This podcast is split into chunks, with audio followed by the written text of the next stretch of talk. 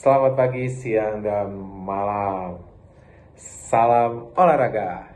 Kita kembali ke kabar berita dari olahraga bola basket dalam negeri.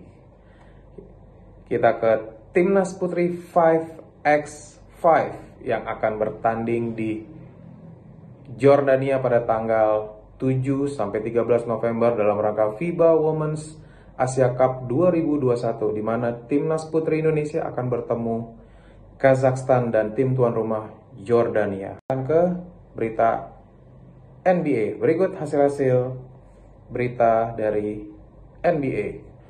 New York Knicks berhasil mengalahkan Boston Celtics melalui babak overtime dengan skor 38-34.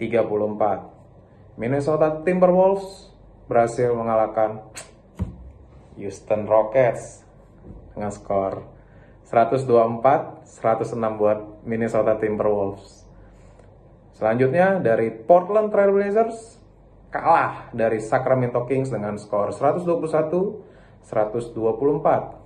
Selanjutnya juara bertahan Milwaukee Bucks harus takluk di tangan Miami Heat dengan skor 137-95.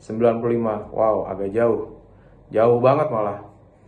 Dan Golden State Warriors berhasil mengalahkan Los Angeles Clippers dengan skor 115-113 dan ini Young Atlanta Hawks mengalahkan Dallas Maverick dengan skor 113-87 untuk Atlanta Hawks.